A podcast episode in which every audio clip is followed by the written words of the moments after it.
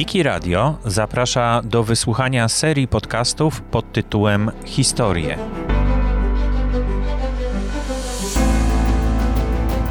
Prawdziwe zdarzenia opowiedziane przez tych, którzy je przeżyli.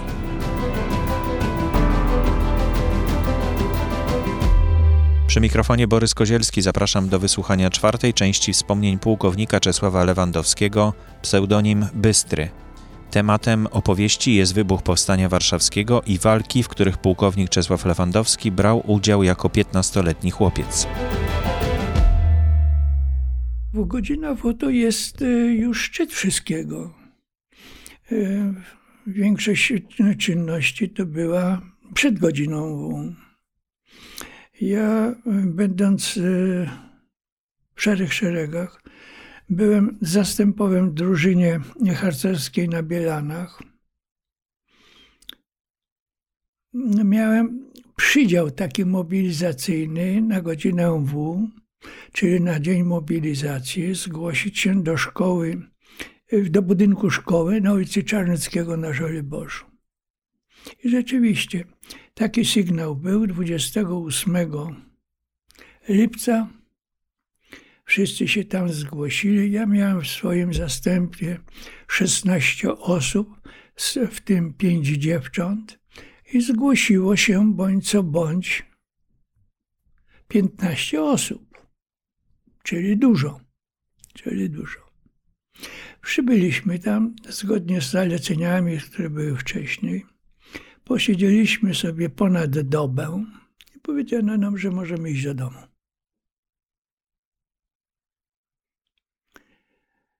Tylko żeby wychodzić pojedynczo. No, jak wyszliśmy na, na ulicę pojedynczo, to zobaczyliśmy, że takich idących pojedynczo jest mrowie. Okazuje się, że no to była ogólna mobilizacja. Ja mówię cały czas o Żoliborzu, bo ja tam działałem, prawda? O. E, na tą mobilizację zgłosili się wszyscy inni. No i wszyscy inni zostali zwolnieni, żeby poszli do domciu. I stąd to zaludnienie młodymi ludźmi ulic.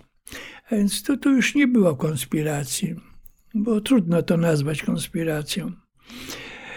I to było 29. Na 30, no bo ponad dobę byliśmy tam ześrodkowani w tej szkole na Czarnockiego. Godzina W została ustalona na dzień pierwszy na godzinę 17, ale do nas nie dotarł taki sygnał. Z różnych przyczyn. Po pierwsze, Niemcy byli nieco wcześniej mm, zorientowani i poinformowani o tym, że coś się szykuje, bo na tym właśnie Żoliborzu, na ulicy Krasińskiego, yy, nasz jeden patrol przenoszący broń natknął się na duży patrol Niemców. No, efekt strzelanina, prawda, obopólne obstrzeliwanie się i zdradzenie już tego, co miało być. To było gdzieś około godziny 14. Czyli powstanie na dobrą sprawę na Żoliborzu było przynajmniej ponad trzy godziny wcześniej niż było ustalone. Z przyczyn zupełnie niezależnych od powstańców. No, bronili tego, co jest ich. Do nas nie dotarł sygnał, nie dotarł rozkaz, ale w momencie, gdy zorientowaliśmy się, że 1 sierpnia rozpoczęły się walki, no staraliśmy się sami wszyscy jakoś tam podążać, niezależnie od tego, że nie było rozkazu. Mój drużynowy, ja nie pamiętam jego nazwiska, bo to już jest tyle, tyle lat, a tych nazwisk u mnie z racji powiedzmy tego, co ja robiłem, to tysiące było. E, pamiętam tylko, że miał pseudonim i, i, i, podobno drugie imię Gapek. No, to to wiem. Mieszkał na ulicy Cegłowskiej. Ta, jeszcze z dwoma harcerzami starał się przeniknąć również pierwszego, tak, na Żoliborz z, z Bielan i szedł wzdłuż wału przeciwpowodziowego na Dolnym Marymoncie. Tam natknął się na niemiecki patrol i tam został zastrzelony. Nie doszedł nawet na Żoliborz. E, ja próbowałem pierwszego dnia, nie udało się, dlatego że Niemcy obstawili wszystkie, wszystkie możliwe wlotowe i wylotowe ulice i trakty e, komunikacyjne na Żoliborzu. Po prostu nie można było. No ale jak taki młody chłopak, to jest, znałem przecież teren. Przekradłem się trochę tam od, od Dolnego y, Żoliborza i trafiłem, ale trafiłem dopiero trzeciego rano.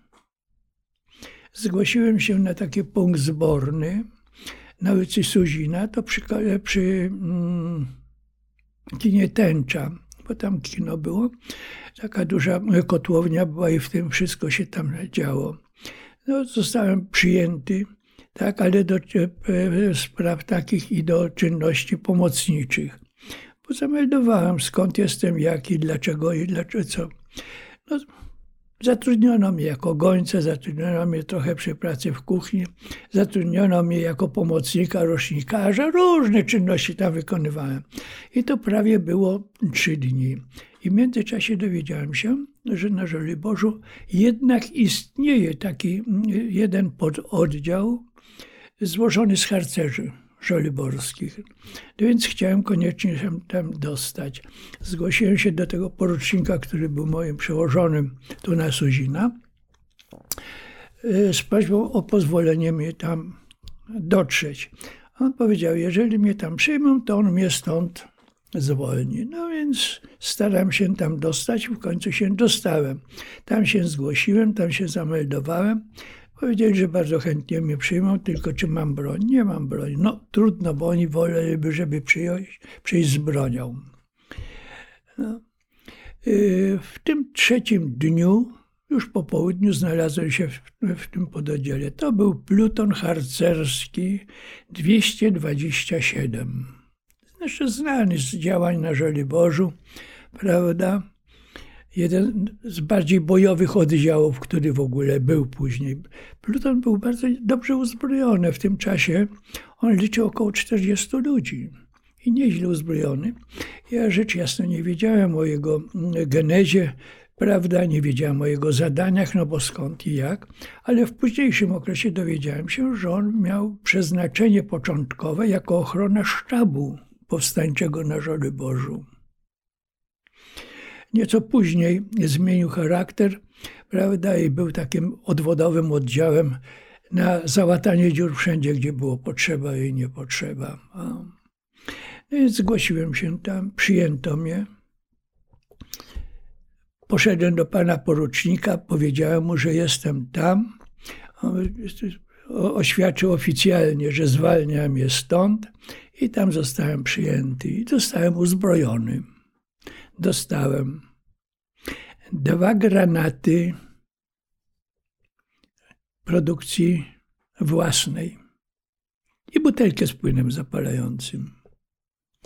I tak, jako powstaniec, tak uzbrojony, zostałem włączony do plutonu z e, obiecaniem, powiedzmy, przydzieleniem mi broni, jeśli takową się gdzieś znajdzie. No, na razie się nie znajdowała. W tym Plutonie zacząłem być wszędzie, gdzie oni tam byli. No, Pluton otrzymywał bardzo trudne zadanie. Bronienie całej reduty e, klasztoru Elżbietanek na, na ulicy dawnej Stołecznej, róg e, Krasińskiego. To była reduta, która zamykała na dobrą sprawę dwa kierunki działania Niemców. Z Powązek i z dworca gdańskiego. I zamykała na głównych arteriach, którymi były ulica Krasińskiego i dalej ulica Słowackiego. E, wykonywaliśmy całą masę różnych innych, powiedzmy, działań. Między innymi byliśmy na Dolnym Żoliborzu, tam na, na wale e, tym przeciwpowodziowym, raczej w okolicach tego wału. Tam odcinaliśmy komunikację Niemców z kierunku od Modlina nad Wisłą na śródmieście na Stare Miasto. Różnie się to toczyło.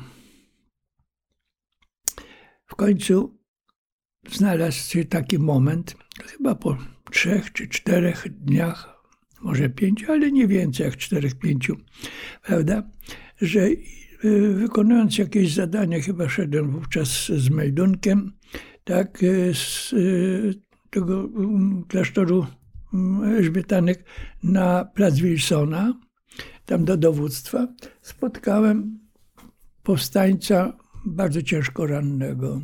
Tam sanitariuszki się nim zajmy, zajęły, prawda. On miał karabin, Mausera miał, tak, i sporo amunicji, jak nieśmieszne. No więc ja się zwróciłem do tych sanitariuszek, że ja tą broń wezmę, ale one twierdziły, że powinny y, karabin iść raz z powstańcem. No ale na wojnie bywa tak, ja go podwędziłem i wziąłem tyle. O. I miałem już broń. I z tą bronią po raz pierwszy odpierałem atak z y, powązek z Instytutu Chemii Przemysłowej. Tam od powązek, prawda, na, na ten nasz klasztor. A jak ja sobie strzelałem. Głośno. Ale chyba bardzo niecelnie, bo się cieszyłem, że strzelam. Dopiero mnie przywołali tam do porządku, mój drużynowy, tak, i dowódca plutonu, żem strzelał tylko do celu, a nie tylko dla strzelania. Trochę się zacząłem uczyć, jak to powinno być, no bo nie wiedziałem wcześniej, przecież my nie mieliśmy. Znaczy, mieliśmy trochę wcześniej nauki o broni, nauki o sposobie działania, o strzelanie. Raz próbowaliśmy, to taka, taki mały wtręt. Raz próbowaliśmy strzelać z pistoletu, pojechaliśmy do Międzylesia, do lasu i natknęliśmy się akurat na inną grupę różnych konspiratorów, którzy tam wykonywali inne zadanie. Pogonili nas jak kotów. Jeszcze chcieli zabrać broń. No, no to bywa różnie i nie udało się tam strzelać. No ale jak już miałem karabin, to już byłem bohaterem. Miałem butelkę z płynem zapalającym, dwie sidolówki, bo tak się te granaty nazywały, prawda, i karabin. I moje marzenia w tym czasie. Pamiętam ich tak bardzo. Jak ja chciałem być bohaterem, żeby tak na przykład czołg, czy jakiś samochód pancerny jechał prosto na mnie, żebym ja mógł go zawalczyć. Karabinem, tak, naturalnie.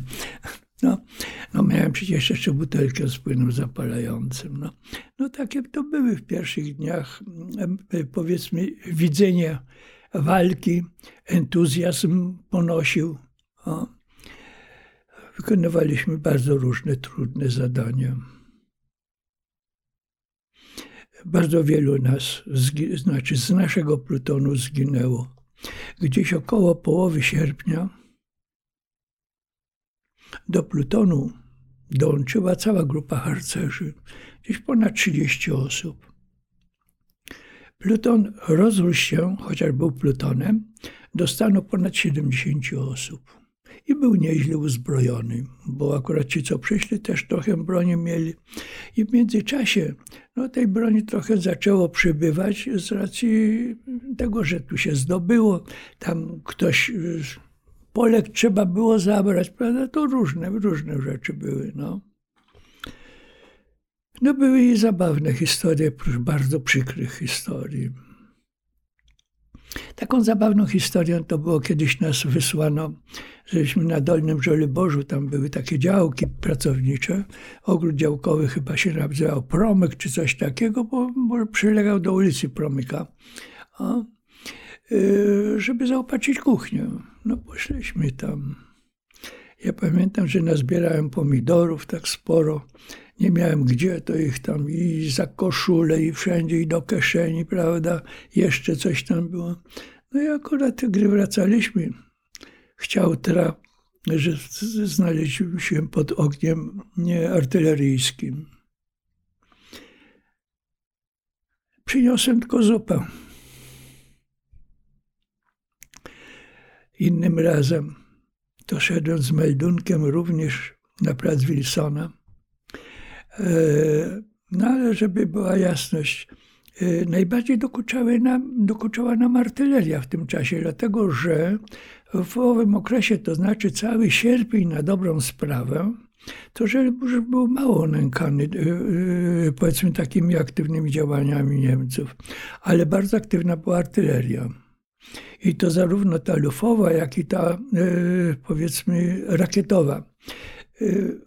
Niemcy mieli takie rakietowe moździerze, które miały no, taką zaletę czy wadę, nie wiem, ale w każdym razie taką cechę, że jak oddawali salwę, to to było tak jak zgrzyt przesuwanej po czymś szafy. I to się nazywało szafy w naszym żargonie, prawda? Idąc raz właśnie tam na ten plac Wilsona z tym meldunkiem, usłyszałem jak te strzały tam z kierunku mm, dworca gdańskiego. Widocznie tam gdzieś były umiejscowione. Obejrzałem się i widzę chmurę tych pocisków lecących. One nie miały dużej prędkości, ale miały straszną siłę rażenia. No. To już wiedziałem, bo wcześniej widziałem ich skutki działania, że trzeba się ukryć. No, gdzieś się ukryć. Przechodzi akurat coś takiego jak boisko, jak coś tam było.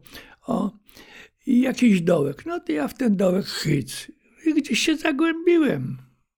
Nagle patrzę, że ja jestem, jestem w jakiejś masie takiej, nie wiem co. No, salwa poszła akurat na, na taki róg e, Krasińskiego i Mickiewicza, na te zabudowania, zniosły do, do, do fundamentów. Jak już po tych wybuchach się wygramuliłem, ja jestem cały umazany w wapnie. Okazało się, że tam widocznie przechowywali wapno na jakąś budowę albo coś. No i ja skoczyłem. No nie było to przyjemne. Nieprzyjemnie nie tylko dlatego, że wypaćkany, ale dlatego, że dość dokuczliwe to było jako wapno. O.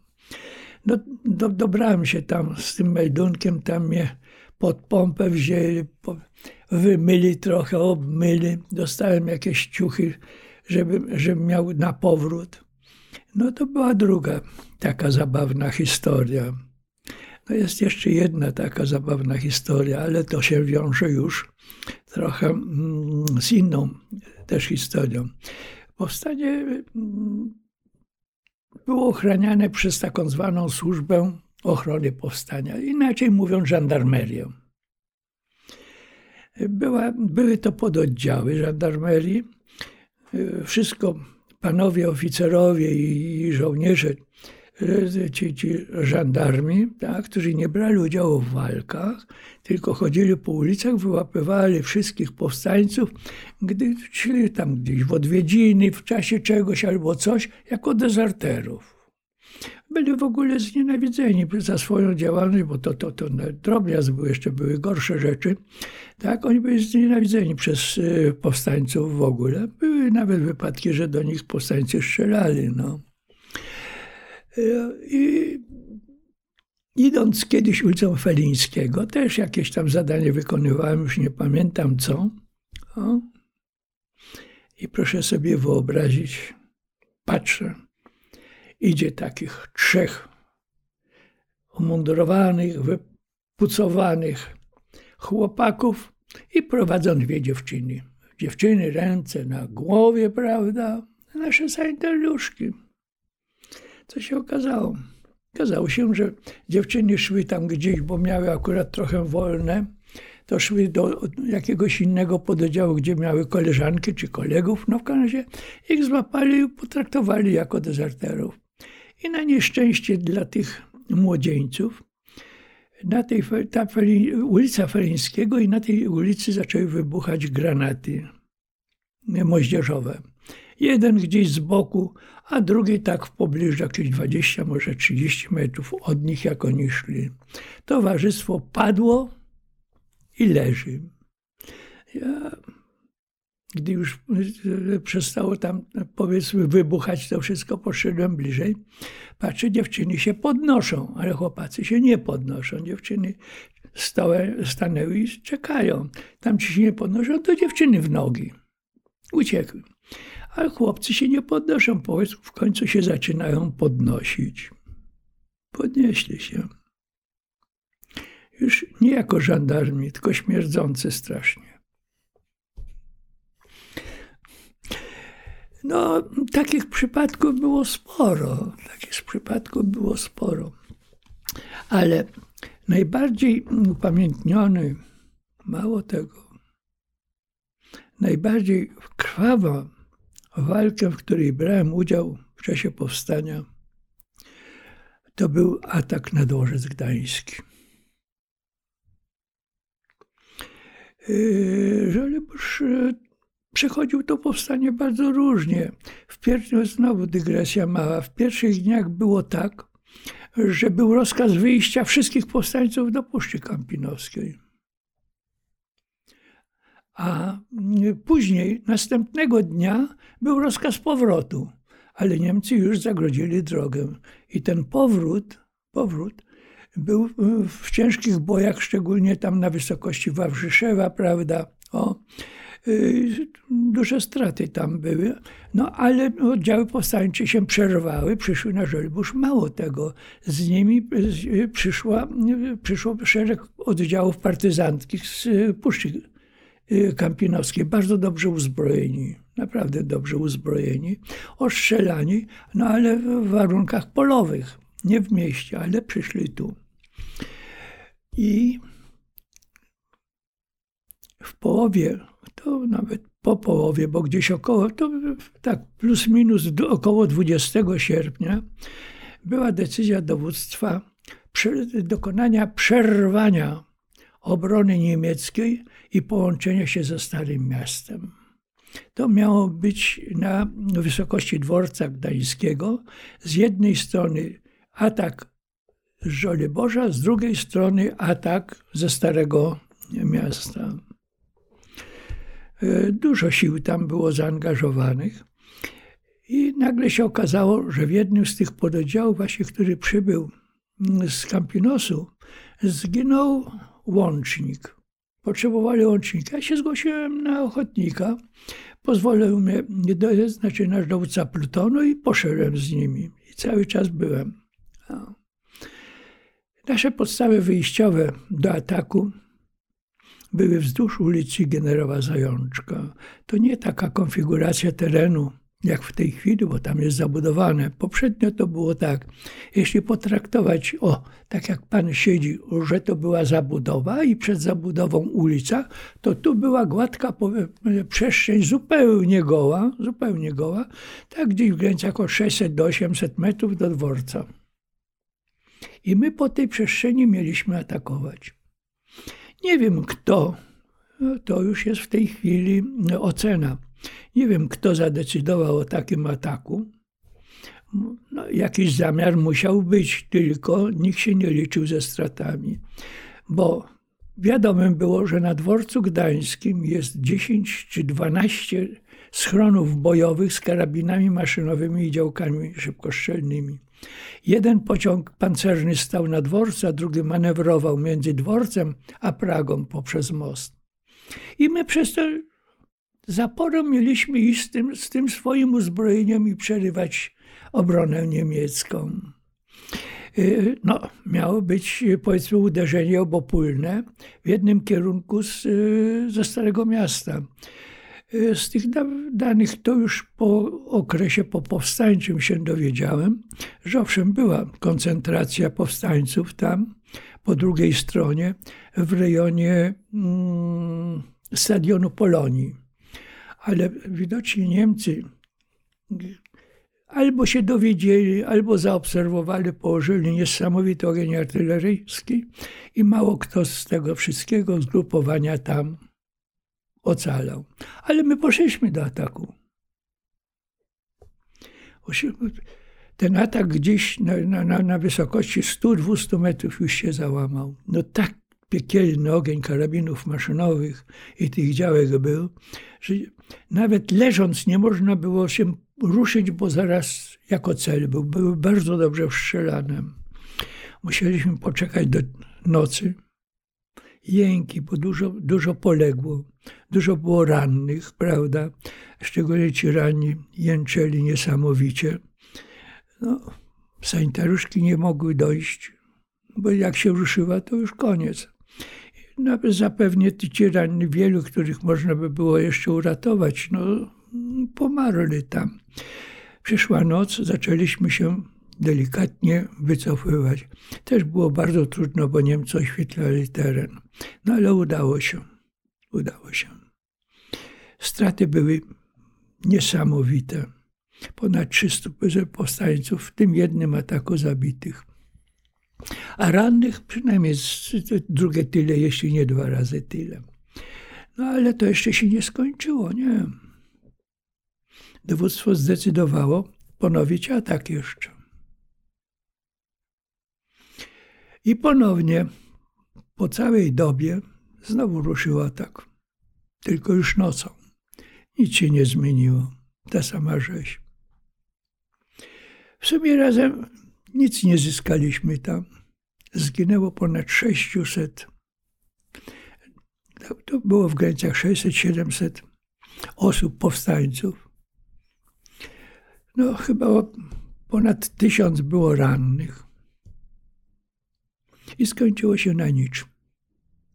W tej chwili tam jest taki obelisk mały na ulicy hmm, Krajewskiego.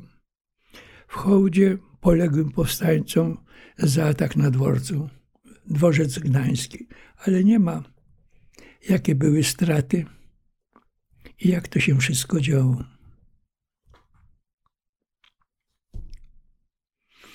Ja po tym ataku wróciłem do swojego plutonu. I e, chyba następnego dnia poszedłem na patrol e, w kierunku Marmontu. Marmont był taką, takim obszarem, takim osiedlem, że był to teren niczyj.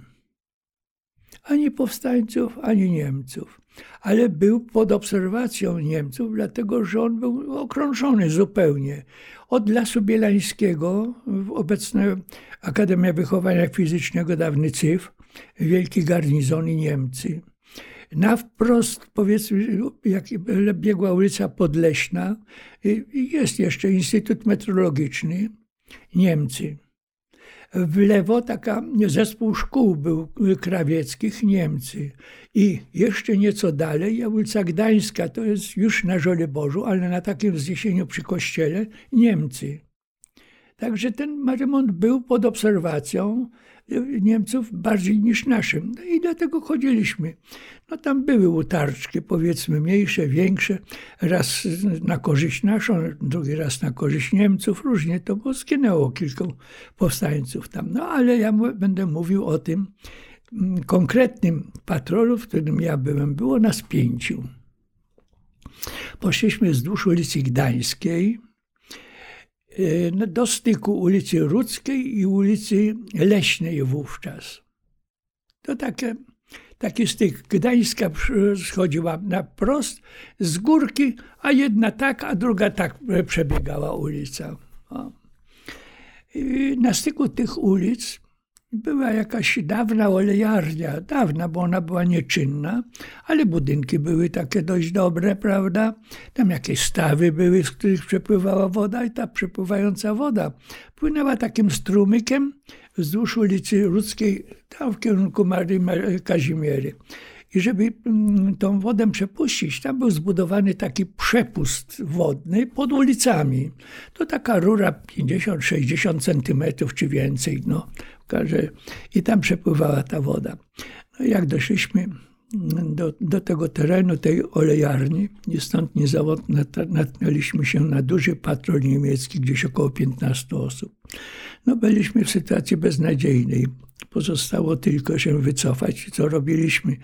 No, nazwijmy to wycofaniem, ale to była ucieczka, bo nie było innej rady. Nie było gdzie uciekać, jak wyszliśmy już poza teren olejarni. Teren jest wszystko otwarte. Jedyny nieotwarty teren, raczej miejsce, nie teren, miejsce w tym terenie, to był ten przepust. No, zdecydowaliśmy ukryć się w tym przepuście. Ja wlazłem tam jako pierwszy, oni wszyscy za mną. No coś tam strzelało, ale to coraz mniej było słychać. I w pewnym momencie coś zaczęło drgać tylko się rozwalać na tym przepuście. Okazało się, że Niemcy będący, tam na ulicy Gdańskiej przy kościele z czołgów, bo tam mieli czołgi się okazało, tak? Ostrzelali ten wlot do tego. On był taki widoczny, bo to, to w rodzaju skarpy takiej był. Rozwalili to. Nie wiem, co było, nie wiem jak. Wiem tylko, że nic później nie słyszałem. Coś się tam działo. Nie wiem, ile ja czasu tam byłem. No ale zacząłem jakoś się wydrapywać stamtąd. Bardzo trudno było, bo to było zagruzowane wszystko. Okazało się, że koledzy leżą pozabijani. Ja wylazłem i nie wiedziałem, gdzie jestem. Kompletnie nie wiedziałem. Gdzieś zacząłem iść w jakimś kierunku, widocznie w kierunku tej ulicy Rudzkiej, tam w kierunku Mary, Mary Kazimiery, bo mnie tam jakiś patrol powstańczy spotkał. Tylko na szczęście ja z bronią szedłem. O. Spotkał i zabrali do siebie. Okazało, że to była placówka na Dolnym Żoliborzu, yy, niepodlegająca powiedzmy tam nikomu, tylko taka samodzielna. No tam mnie jakoś ratowali. Chyba na drugi dzień jakoś trochę otrzeźwiałem, no opowiedziałem co, gdzie i jak. No. I pytali, czy chcę iść do siebie tam, czy u nich zostać. No, proponowali, żeby zostać, tym bardziej, że jeszcze z bronią byłem. To, to już ważne. No, a z tą bronią to jeszcze wcześniej y, była, była heca też. O. No i zostałem u nich. Ale odnośnie broni, znowu mały wtręt. Ja byłem początkowo z tym karabinem. I znowu e, tak e, chciał traf, że na tym Żoliborzu spotkałem e, powstańca, no, bardzo ciężko rannego z pistoletem maszynowym. Jeszcze nawet nie był, nie był powiedzmy opatrywany przez, widocznie niedawno, albo, albo leżał dłużej, nie wiem. W każdym razie był z bronią, ale taki y, już półprzytomny. No, starałem się znaleźć gdzieś sanitariuszkę, znalazłem taką. Przyszła, ale ja mu zabrałem pistolet, zostawiłem karabin i miałem pistolet. Y, w walce na, y, w tym Żoliborzu to już szedłem z tym swoim pistoletem, prawda. A, to było MP niemieckie, amunicji tam trochę było, chyba dwa czy trzy magazynki, także że zabezpieczone to było. Ja z tym pistoletem się zatrzymałem w tej placówce tam na Dolnym Żoliborzu Powstańczej. Z tej racji, że ja mieszkałem na Marymoncie, ja ten Marymont jako chłopak to znałem od podszewki. No, byłem takim Andrusem marymonckim, to jest prawda. E, powiedziałbym nawet łobuziakiem. O. To wykorzystali to, ten dowódca placówki, to był podchorąży plutonowy.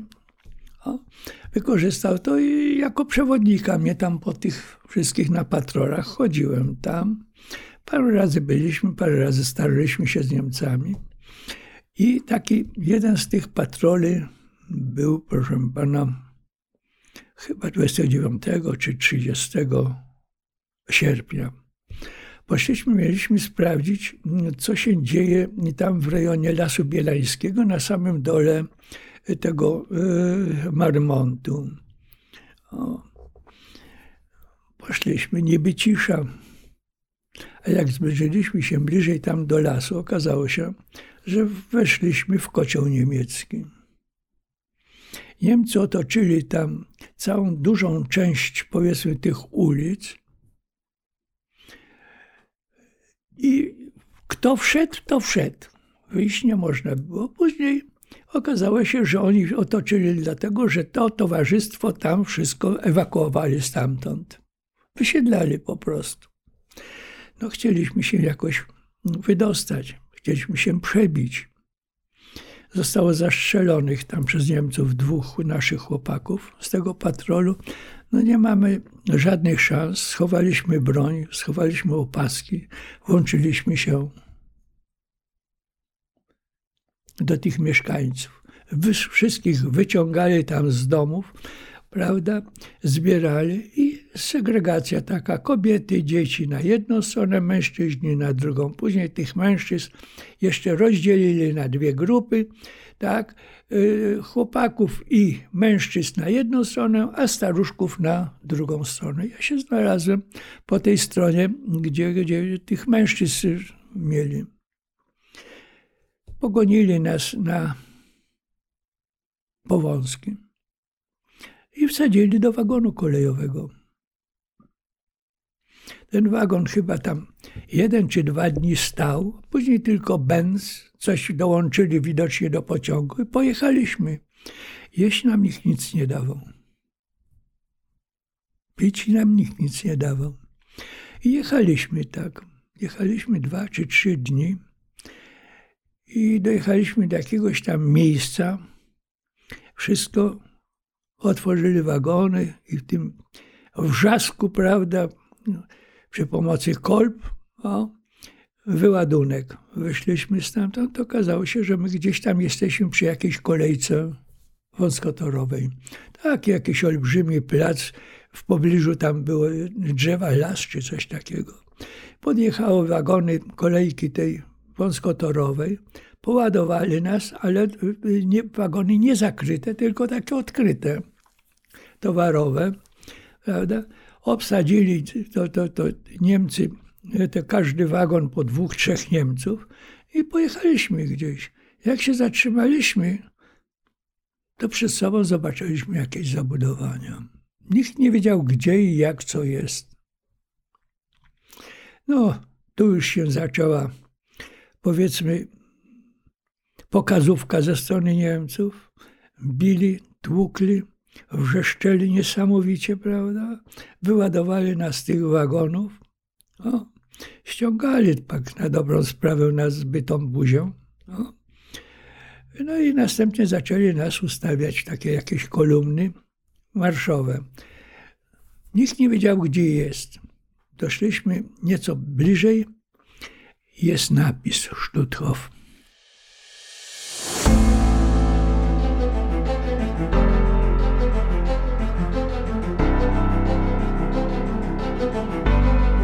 Nagranie zarejestrowane w marcu 2021 roku.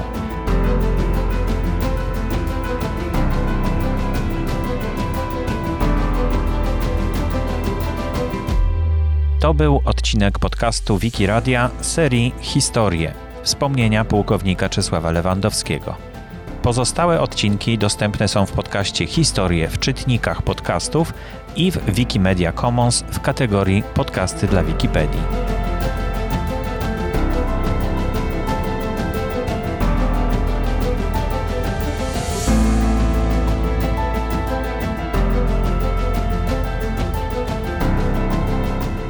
Projekt jest realizowany w ramach nieodpłatnej działalności statutowej Fundacji Otwórz się.